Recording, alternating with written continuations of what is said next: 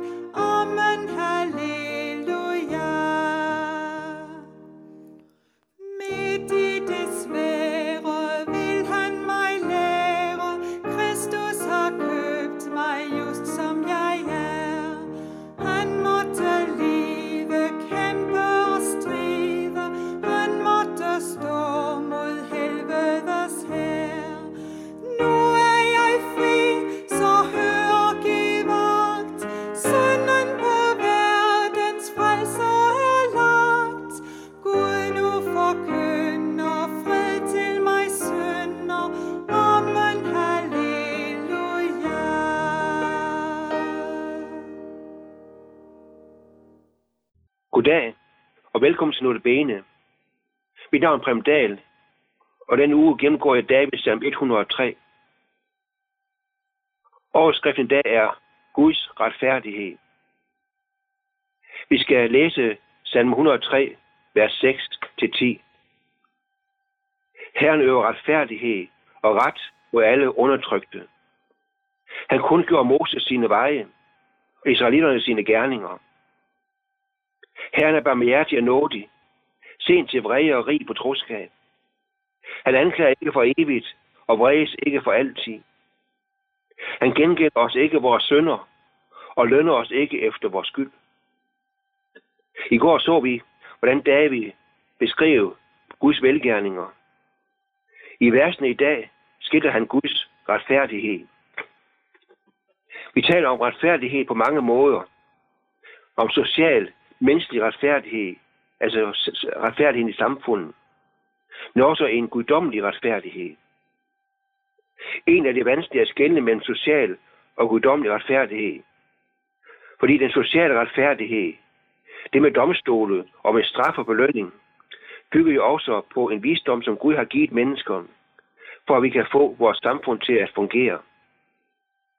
I det første vers, vi læste, talte David om den sociale retfærdighed. Herren øver retfærdighed og ret mod alle undertrykte. Han kun gjorde Moses sine veje og israelitterne sine gerninger. David ser tilbage på Israels folks historie og på, hvordan Moses blev sendt for at øve retfærdighed og udfri folk af Ægyptens trældom. Versen handler også om, at Gud vejleder sit udvalgte folk. Gennem Moses gav Gud de sociale love, for at folk kunne leve beskyttet Øh, og øve retfærdighed for det enkelte menneske. David stod vist ikke meget til social retfærdighed i hans samtid. Men han udtrykker, hvordan Gud har hjerte for det undertrykte og handler på det, ofte på en skjult måde. Det samme gælder os. Historien minder os om undertrykkelse og slaveri.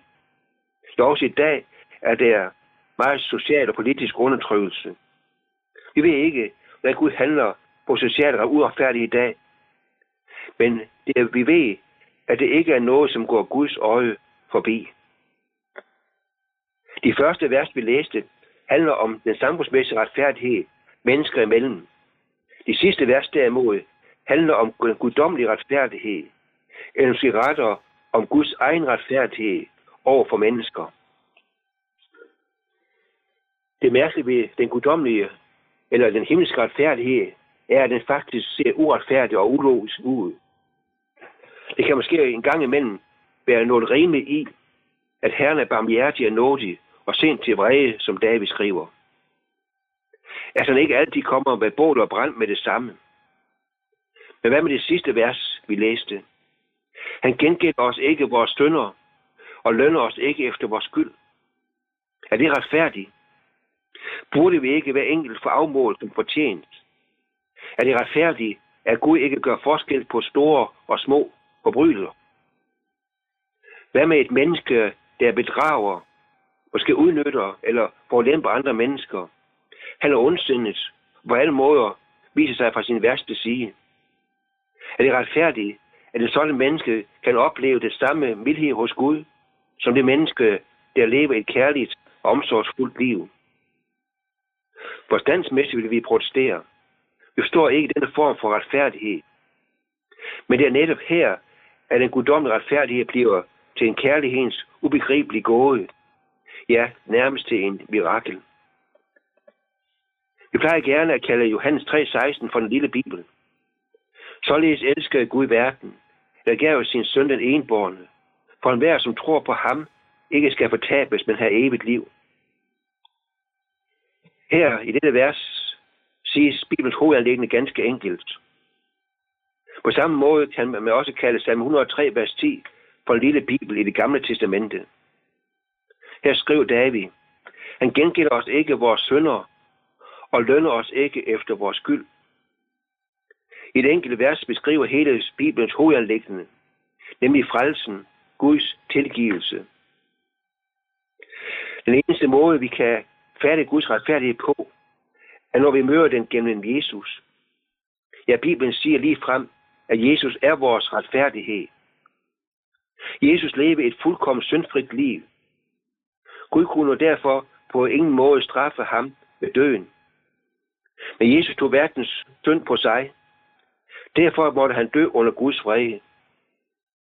Når David skriver, han gengælder os ikke vores sønder, så skal det ikke forstås som om, at Gud ikke kræver mennesker til regnskab for deres liv. Det gør han. Han ser ikke gennem fingre med en eneste synd. Guds retfærdighed kræver, at synden skal betales. Guds hellige vrede hviler over alt synd. Men når Gud ikke gengælder os, vores synder, er fordi, at alt hans gengældende vrede over vores synd ramte Jesus på Golgata. Og vi fortsætter, at han lønner os ikke efter vores skyld. Så er det fordi, at Jesus tog skylden på sig. Han betalte syndens løn i vores sted. David vidste, at han ikke kunne svare for sit eget liv.